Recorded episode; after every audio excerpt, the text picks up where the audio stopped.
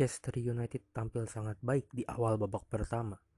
Banyak peluang yang tercipta berkat kolaborasi Wayne Rooney, Angel Di Maria, Robin van Persie, dan Radamel Falcao. Di awal babak pertama pun, Manchester United berhasil unggul.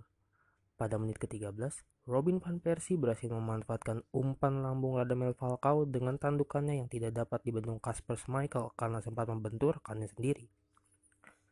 Di menit ke-16, giliran Engel Di Maria yang sukses memperbesar keunggulan United menjadi 2-0 berkat sontekan indahnya.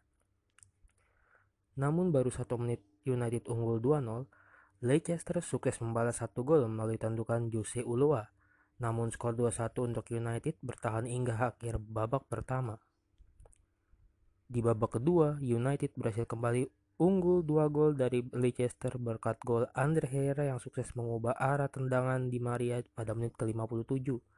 Keunggulan 3-1 itu membuat setan merah berada di atas angin.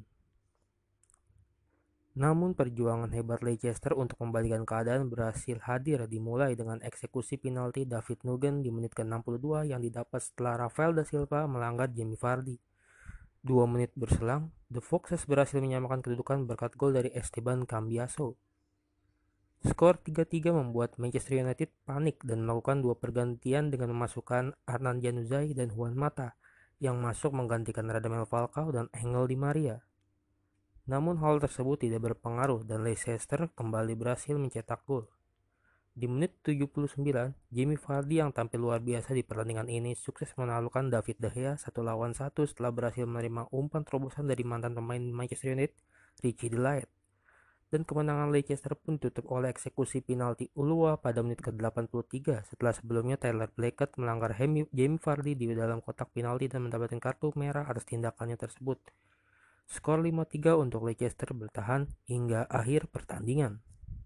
Kekalahan ini merupakan kekalahan kedua pasukan Louis van Gaal dalam awal musim 2014-2015.